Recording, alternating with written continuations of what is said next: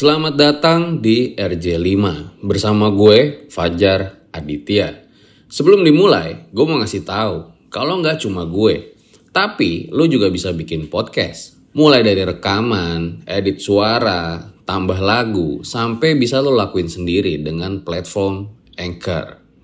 Satu aplikasi buat semua kebutuhan podcast. Bisa di-download dari App Store dan Play Store atau bisa juga diakses dari website www.anchor.fm. Gak cuma buat, tapi lo juga bisa langsung share dan publish hasil rekaman lo ke Apple Podcast, Spotify, Stitcher, dan lain-lain dari Anchor ini. Yang paling penting, Anchor ini gratis.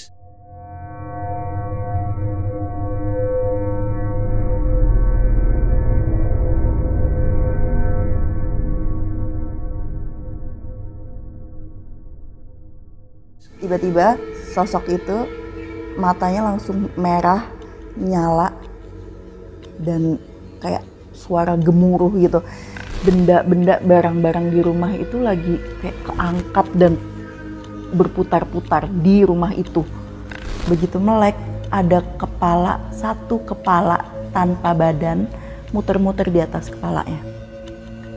Muter-muter sambil dengan dengan wajah nyengir dengan rambut panjang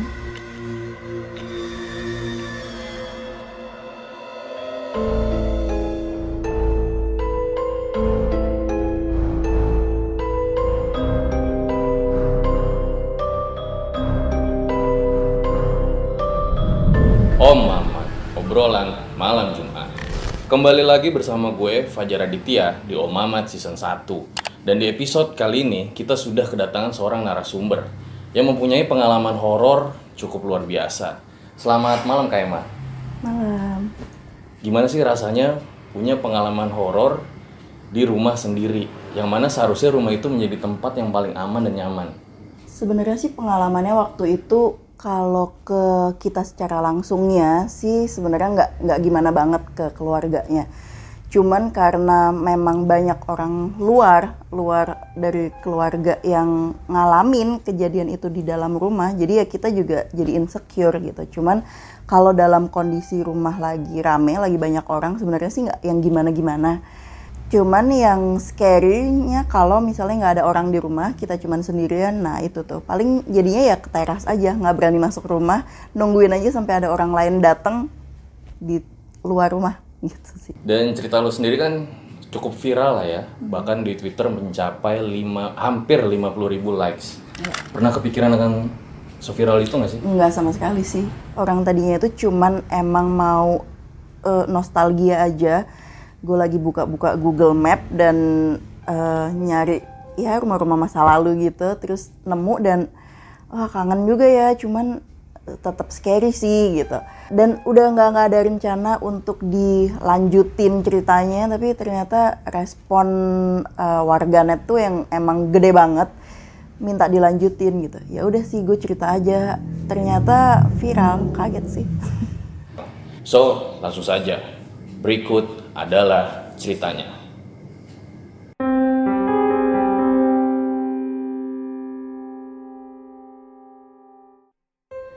peristiwanya itu eh, berlangsung sekitar tahun 1993 sampai 1998 Eh, lokasinya di daerah Jawa Timur waktu itu keluarga kami memang sudah tinggal di eh, daerah lingkungan situ sekitar tahun 1988 dan kita memang sudah nyaman di lingkungan itu gitu. Jadi memang sengaja mencari rumah di daerah tersebut.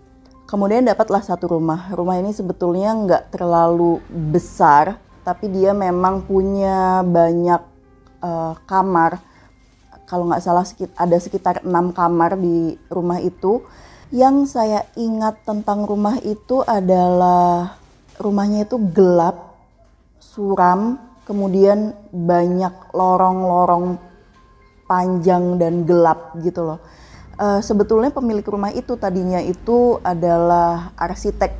Gue juga nggak ngerti kenapa dia ngedesain rumah dengan dengan minim ventilasi, minim cahaya gitu. Jadi rumahnya emang gelap banget dan suram. Di rumah itu uh, ada satu kamar besar di lantai dasar. Rumahnya tiga lantai. Uh, di lantai dasar itu ada satu kamar besar yang di depan kamarnya itu ada kolam ikan di dalam rumah. Jadi di bawah gitu. Bagian depan rumah itu ada pohon mangga di dalam rumah.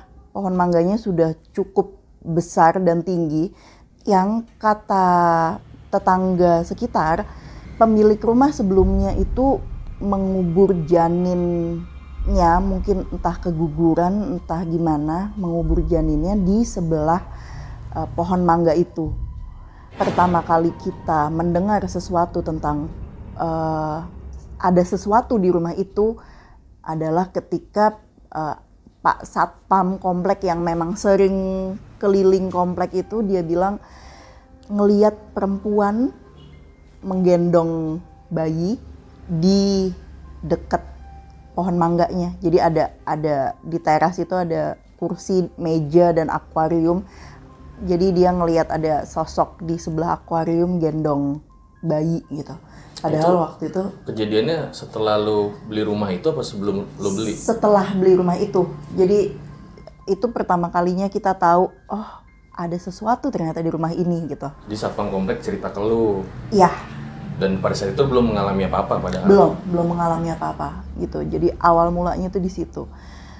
Sebenarnya sih rumahnya nggak nggak ber nggak gimana banget nggak mengganggu sekali sih ke kita tapi memang banyak orang-orang dari luar rumah tuh yang mendengar men melihat kejadian-kejadian yang ya di luar nalar lah ya di rumah itu gitu.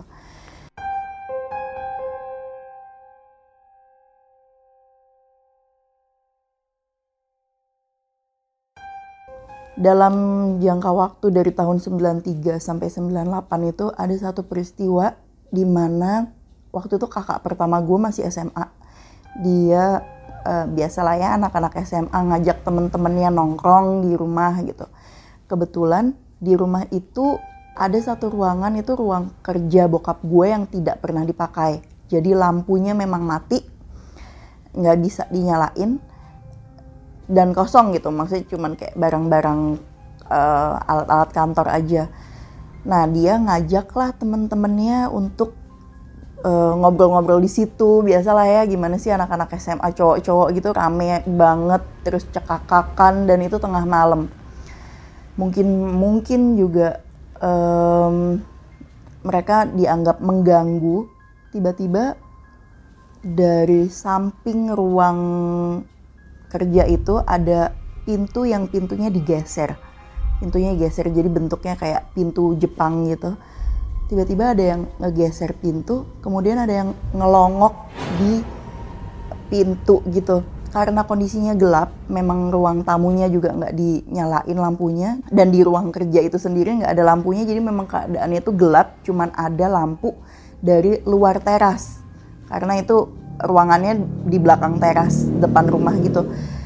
Ada yang ngelongok, sosoknya itu kayak menyerupai bokap gue, jadi gede, kemudian rambutnya keriting dan karena gelap ya kayak kelihatan cuman bayang-bayangnya aja gitu.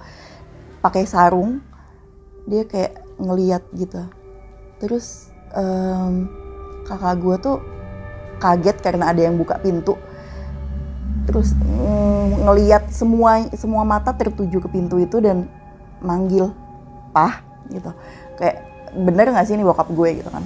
Pah tiba-tiba sosok itu matanya langsung merah nyala dan kayak suara gemuruh gitu. Ya langsung lah pada kabur semua keluar pintu dan lari tunggang langgang bubar.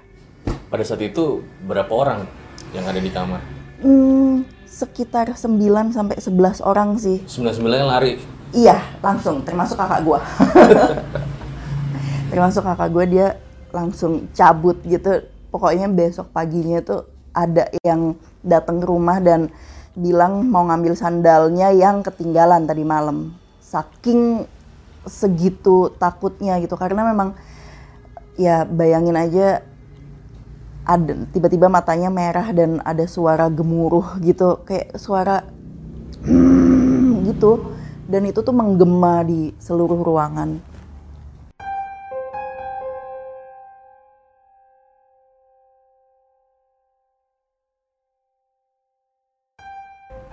Jadi mulai dari peristiwa itu kita baru sadar bahwa oke okay, ternyata memang ada penunggunya di dalam rumah ini gitu.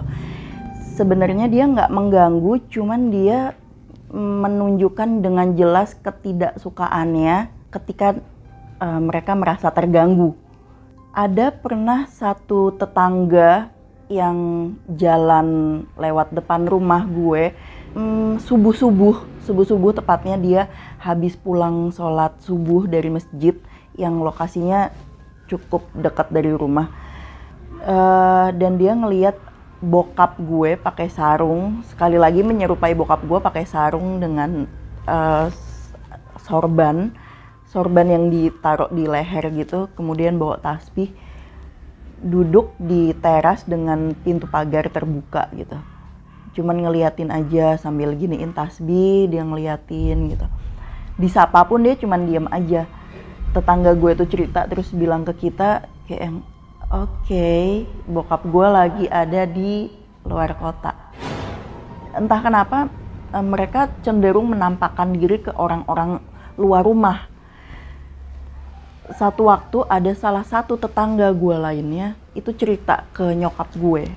Dia bilang sebelum kita pindah ke rumah ini, pemilik rumah sebelumnya itu waktu itu terdengar ada huru hara dalam rumah tangga gitu ya. Uh, day mereka separate uh, pisah. Nah sebelumnya itu tetangga gue pernah dengar tetangga depan rumah pernah dengar ada suara terlalu berisik gitu dari rumah.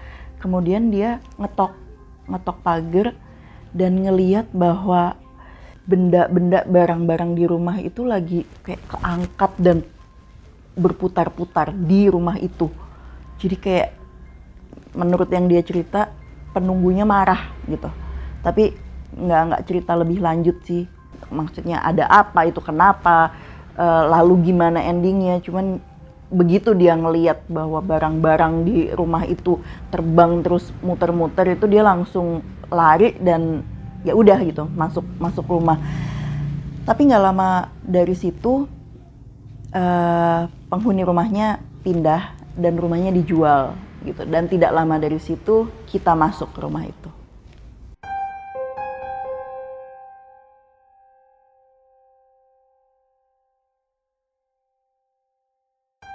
Jadi yang memang lebih sering uh, diganggu itu memang orang-orang luar rumah termasuk teman-temannya kakak gue yang emang sering banget lagi sering-seringnya main ke rumah itu dan nginep. Salah satunya waktu itu ada namanya Onyeng. Dia lagi masak Indomie di dapur. Kebetulan dapurnya itu ada di uh, bagian teras belakang rumah. Jadi dapurnya outdoor gitu. Di sisi sini dapur, sini taman dan sini gudang. Nah, waktu dia lagi masak ngebelakangin pintu ruang makan, dia lagi masak indomie gitu tiba-tiba dia ngerasa ada yang keluar dari ruang makan dia nengok ternyata ada cewek pakai baju merah lagi jalan ngebelakangin dia gitu masuk ke arah uh, ke arah dapur. Sama onyeng ini karena dia anaknya pemberani juga diikutin ke arah gudang. Begitu masuk ke gudang dia buka pintunya sosok itu hilang di balik uh, lukisan di mana lukisan itu adalah lukisan peninggalan penghuni yang lama orang yang punya rumah itu yang lama lukisannya itu lukisan Mona Lisa gitu.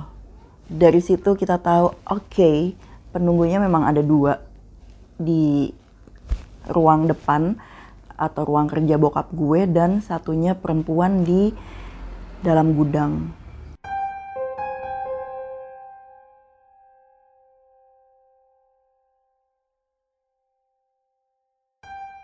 lain waktu uh, abis ada musibah gitu menimpa kakak pertama gue dia kecelakaan kemudian ya cukup babak belur dia uh, dianterin pulang sama teman-temannya segeng gerombolannya itu nginep di kamar kakak gue yang di lantai bawah yang ada kolam ikan di depan kamarnya. Kalau nggak salah sekitar jam 2, jam 3 gitu, tiba-tiba kita yang tidur di lantai 2 dengar suara berisik banget dari bawah. Sampai akhirnya satu rumah kebangun dan langsung turun tangga. Jadi posisinya begitu turun tangga itu langsung uh, meja makan dan kolam ikan. Ada salah satu temen kakak gue yang uh, lagi jongkok di depan kolam ikan itu. Dia jongkok kayak gini dia merem aku rawanin dulu rawanin dulu kayak gitu. Bahasa Indonesia-nya itu uh, gua nggak mau ngeliat. Dia terus-terusan mengulang kata itu sambil nutupin kepalanya. Terus di dalam kamar juga ada satu orang yang yang nangis dengan dengan nutup mata gitu. Padahal cowok-cowok bandel gitu pada nangis. Setelah kita tungguin dan coba ditenangin dibacain ayat kursi dikasih air putih setelah lebih tenang dia cerita kalau malam itu dia kayak ngerasa gelisah banget tidurnya terus tiba-tiba kebangun. Dia posisinya terlentang ngadep langit-langit. Tiba-tiba dia kebangun dan melek. Begitu melek, ada kepala, satu kepala tanpa badan muter-muter di atas kepalanya. Muter-muter sambil dengan dengan wajah nyengir, dengan rambut panjang, muter-muter di atas kepalanya. Dia cerita waktu itu dia nggak nggak bisa teriak, badannya kaku, nggak bisa teriak, dan seperti dipaksa untuk melek terus. Jadi matanya bener-bener kebuka nggak bisa nutup, uh, mulutnya nganga tapi nggak keluar suara jeritan. Dan itu berlangsung menurut dia cukup lama tapi ya mungkin itu berlangsung beberapa detik ya. Tapi rasanya mungkin benar-benar lama. Dia berusaha uh, baca-baca istighfar sambil ngegerakin kakinya. Yang kebetulan karena waktu itu nginepnya rame-rame di bawah kakinya itu tidur temennya gitu. Jadi dia nendang nendang-nendangin kaki akhirnya kena temennya. Temennya kebangun. Temennya kebangun ngadep dia. Temennya ini ngeliat juga ada kepala yang lagi muter di atas kepala temennya. Gitu. Tapi mungkin memang bukan dia sasarannya. Dia bisa teriak dia bisa teriak. Janco dia teriak gitu terus ngebangun-bangunin temen-temen lainnya yang emang lagi rame banget nginep di situ karena begitu udah kebangun semua terus kepalanya hilang gitu aja gitu. Waktu itu kita kayak ah masa sih? Kayak bener-bener nggak -bener percaya. Serius sehoror itu. Dari situ kita baru sadar bahwa kita semakin sadar bahwa oke okay, berarti memang cukup mengganggu uh, waktu itu. Terus bokap gue konsultasi ke salah satu temennya yang um, di terkenal orang pintar lah ya. Sebenarnya dia kiai gitu terkenal orang pintar. Sejujurnya gue nggak tahu sih ini adalah perbuatan musyrik atau enggak. Tapi sebenarnya bukan musyrik sih cuman semacam nggak ada tuntunannya aja ya dalam hadis. Dan waktu itu keadaan kondisi keluarga itu juga memang lagi uh, bukan dalam masa-masa yang bagus. Jadi intinya kita disuruh sholat. Waktu itu bokap gue di luar kota gue sama nyokap gue sholat di uh, lantai tiga. Jadi lantai tiga itu setengahnya rooftop. Di lantai tiga itu uh, di rooftop itu ada satu sangkar burung yang besar, mungkin besarnya sekitar 6 kali 2 meter ya, 6 kali 2 meter, cukup besar dan tinggi. Itu adalah sarang burung dan di dalam sarang burungnya itu ada pohon beringinnya, pohon beringin kecil burung-burung selalu mati setiap ditaruh di sangkar itu. Dulu bokap gue suka miara jalak gitu-gitu, selalu mati. Kita waktu itu mikirnya apa mungkin karena uh, banyak semut merah di pohon beringin itu gitu.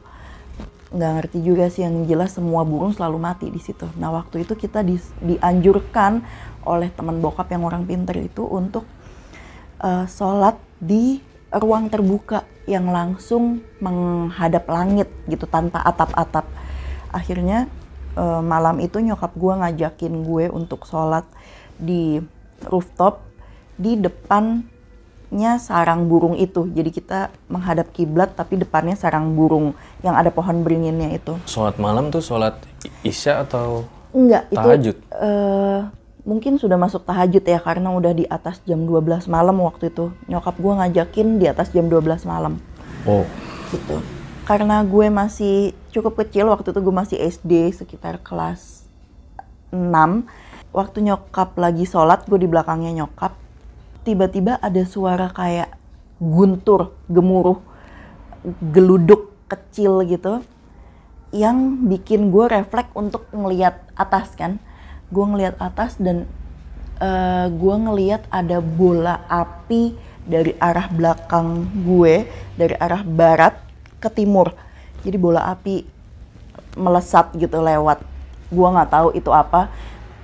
Cuman yang jelas bukan dia dia cukup dekat sih ya. Cukup dekat lah maksudnya bukan yang benar-benar di atas langit seperti meteor atau apa. Gue nggak nggak paham sih itu apa sebenarnya kalau setelah gue cerita-cerita sih ada yang bilang raja setan ada yang bilang uh, itu santet yang ngelewatin gitu tapi kebetulan mungkin uh, begitu gue ngeliat ada bola api itu yang gue refleks langsung narik baju uh, mukena nyokap gue untuk suruh ngeliat juga ke atas gitu.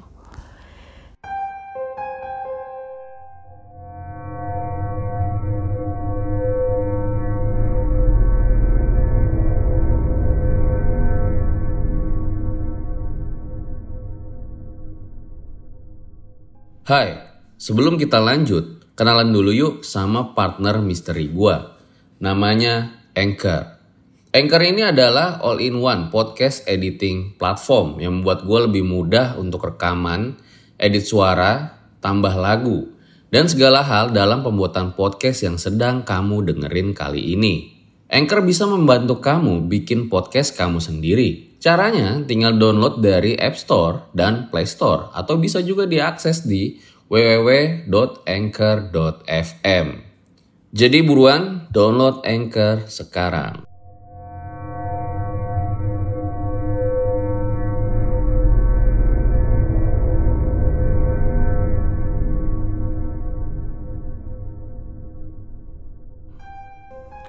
nggak lama dari situ temen bokap main ke rumah main ke rumah dia duduk di ruang tamu gitu. Dia baru duduk terus dia kayak ngeliat kanan kiri terus minta izin sama nyokap gue mau lihat-lihat rumah ya gitu.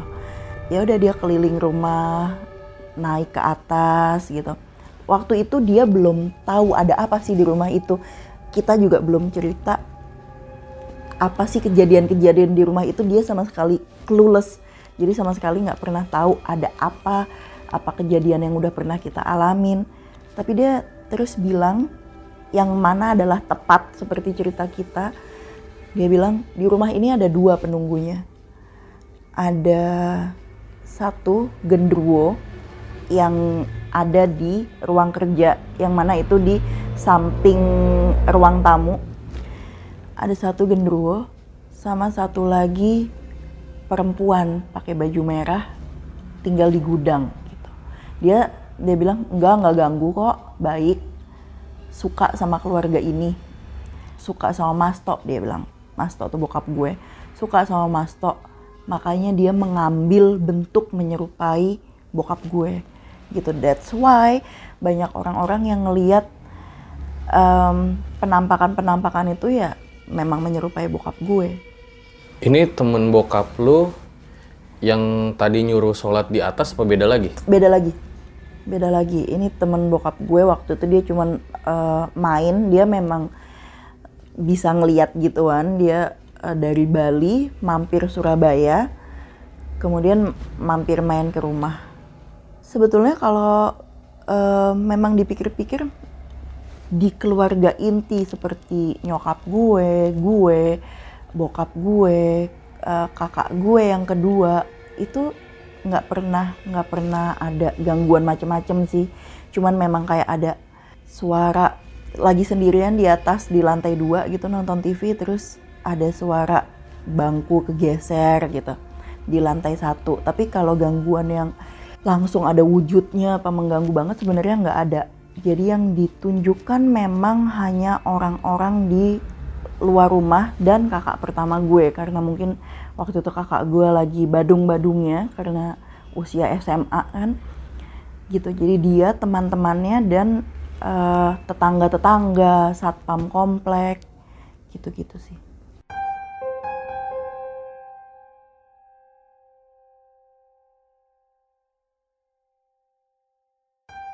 Jadi dalam rentang waktu 1993 sampai 1998 itu memang banyak kejadian-kejadian cukup mengganggu ya.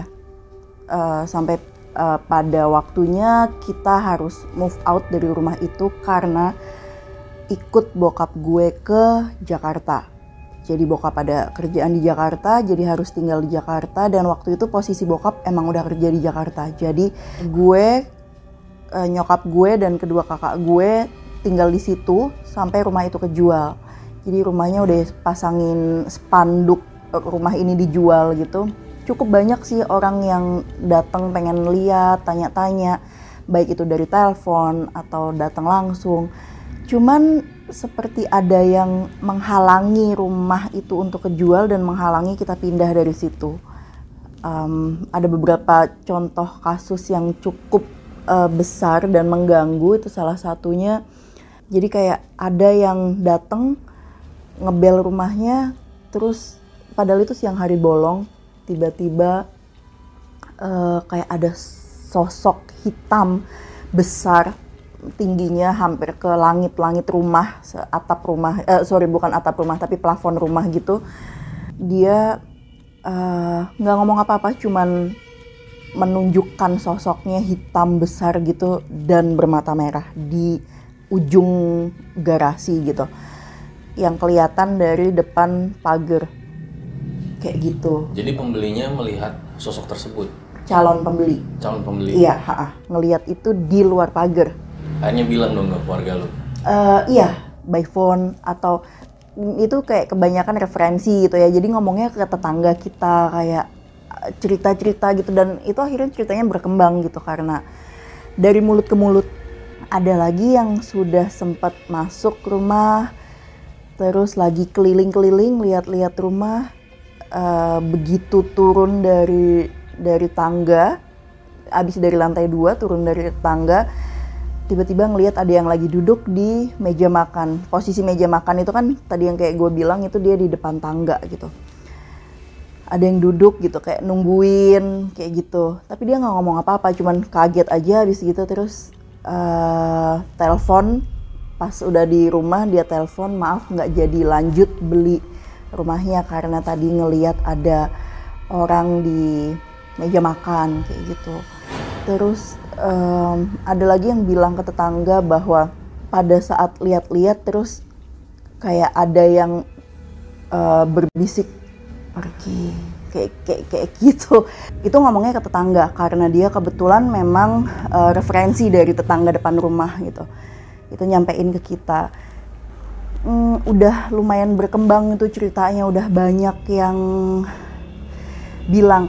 Ada waktu di salah satu replyan tweet gue di Twitter itu ada yang bilang ada yang bisa ngeliat bahwa rumah itu tuh emang ada kayak penerima tamunya gitu jadi siapa pun yang mau masuk rumah itu kayak ditemuin dulu sama dia.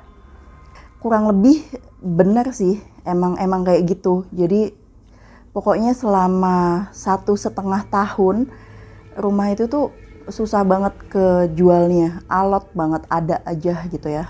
Ya pasti juga takdir Allah ya emang belum laku, tapi memang ada penghalang, mereka menghalangi untuk rumah itu terjual itu juga memang ada faktor itu. Kemudian akhirnya karena udah kelamaan, rumah itu belum laku-laku juga, kita pindah duluan Jadi kita ikut bokap gue pindah ke Jakarta dan rumah itu dibiarkan kosong.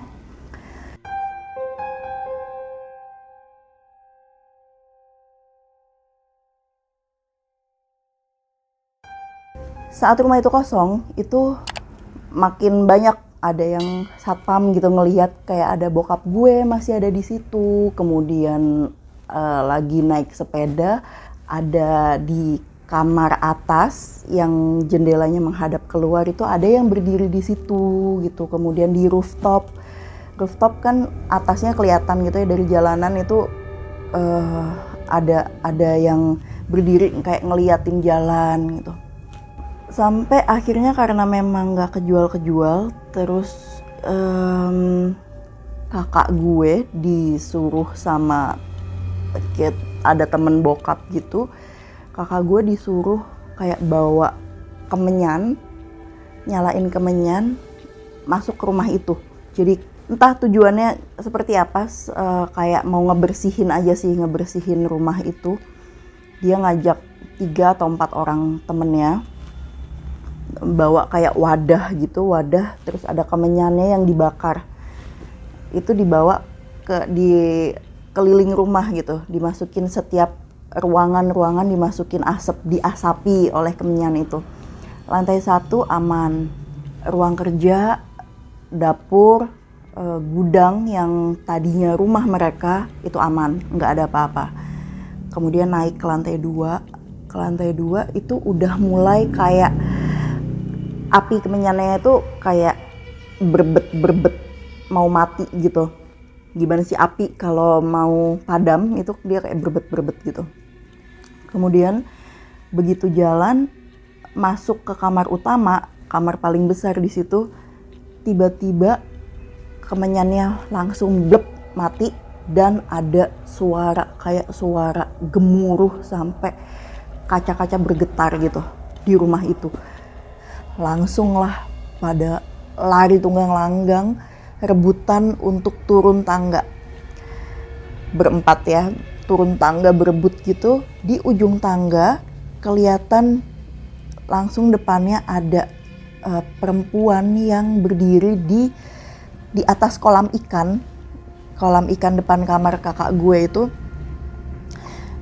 Dia ngebelakangin tangga. Begitu mereka turun mereka langsung kaget berhenti cewek itu kayak pelan-pelan nengok ngeliat uh, kakak gue dan temen-temennya. Begitu nengok itu mereka kayak freeze gitu kayak ketakutan kayak nggak tahu harus gimana. Uh, cewek nggak kelihatan mukanya rambutnya semua di depan gitu kayak kepala kebalik literally semua rambut nutupin bagian muka jadi kayak full depan belakang kepalanya tuh rambut. Nggak ngomong apa-apa. Si perempuan ini kayak mau maju. Nah begitu mau begitu nengok lalu mau maju baru semua pada kabur ke rumah, keluar. Karena di ujung tangga itu langsung lorong ke garasi gitu. Mereka semua langsung cabut pergi dari situ. Segala cara seperti dihalangi untuk rumah itu bersih ya. Tapi pada akhirnya sih diadakan diadakan semacam rukiah yang syar'i yang sesuai dengan tata cara Islam lah.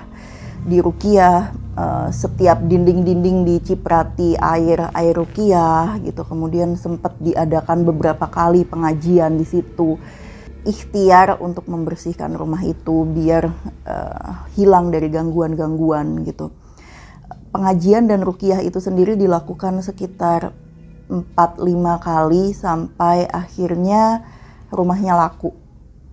Rumah waktu itu transaksinya juga eh, enggak terlalu alot jadi cukup lancar begitu selesai di rukiah sekitar 4-5 kali itu kemudian ada yang tertarik ada yang beli dan tanpa halangan apa-apa sih uh, setelah satu setengah tahun setelah kita pindah dari situ rumahnya sudah laku terjual alhamdulillah dan sepertinya sih sampai sekarang aman-aman aja dengan pemilik barunya juga kalau gue tanya tetangga-tetangga sekitar gimana ada kejadian-kejadian apa lagi mereka bilang enggak sih kayaknya adem-adem aja gitu mungkin uh, penunggu situ juga benar-benar sudah pergi setelah di rukiah dan diadakan pengajian itu.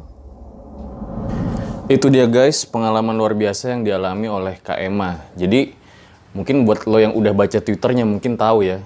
Kalau gue lihat tuh kayak lo nyusun puzzle gitu ya. Ya. Pengalaman-pengalaman yang pernah dialami oleh keluarga, kemudian orang-orang yang ada di lingkungan rumah lo. Tapi nggak ada cerita lo nih gue lihat nih. Iya, memang ada. Jadi seperti yang gue bilang di Twitter itu juga, dia tuh tidak mengganggu keluarga gue, tidak mengganggu bokap, tidak mengganggu nyokap, tidak mengganggu gue dan kakak kedua gue. Yang diganggu hanya kakak pertama gue dan teman-temannya dan orang-orang yang lewat-lewat rumah itu gitu.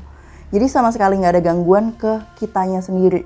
Cuman kayak suka ada suara kursi geser, terus ada suara tangisan bayi di teras depan gitu kayak gitu-gitu aja sih tapi nggak ada yang signifikan ganggu Dan uniknya adalah ketika sosoknya itu berapa kali menampakkan diri seperti bokap lo ya. Iya. karena eh, katanya karena dia penunggunya itu memang suka keluarga gue terutama bokap gue jadi dia mewujudkan dirinya menyerupai bokap gue Tapi alhamdulillah setelah di Rukia ya atau dilakukan pembersihan, sekarang rumahnya sudah normal kembali ya. Alhamdulillah udah normal. Eh, sampai sejauh ini belum ada cerita-cerita mistis lagi sih di daerah situ. Ya mungkin juga udah bersih. Dan itu memang udah lama sekali ya. Iya. Jadi pas lo SD lagi.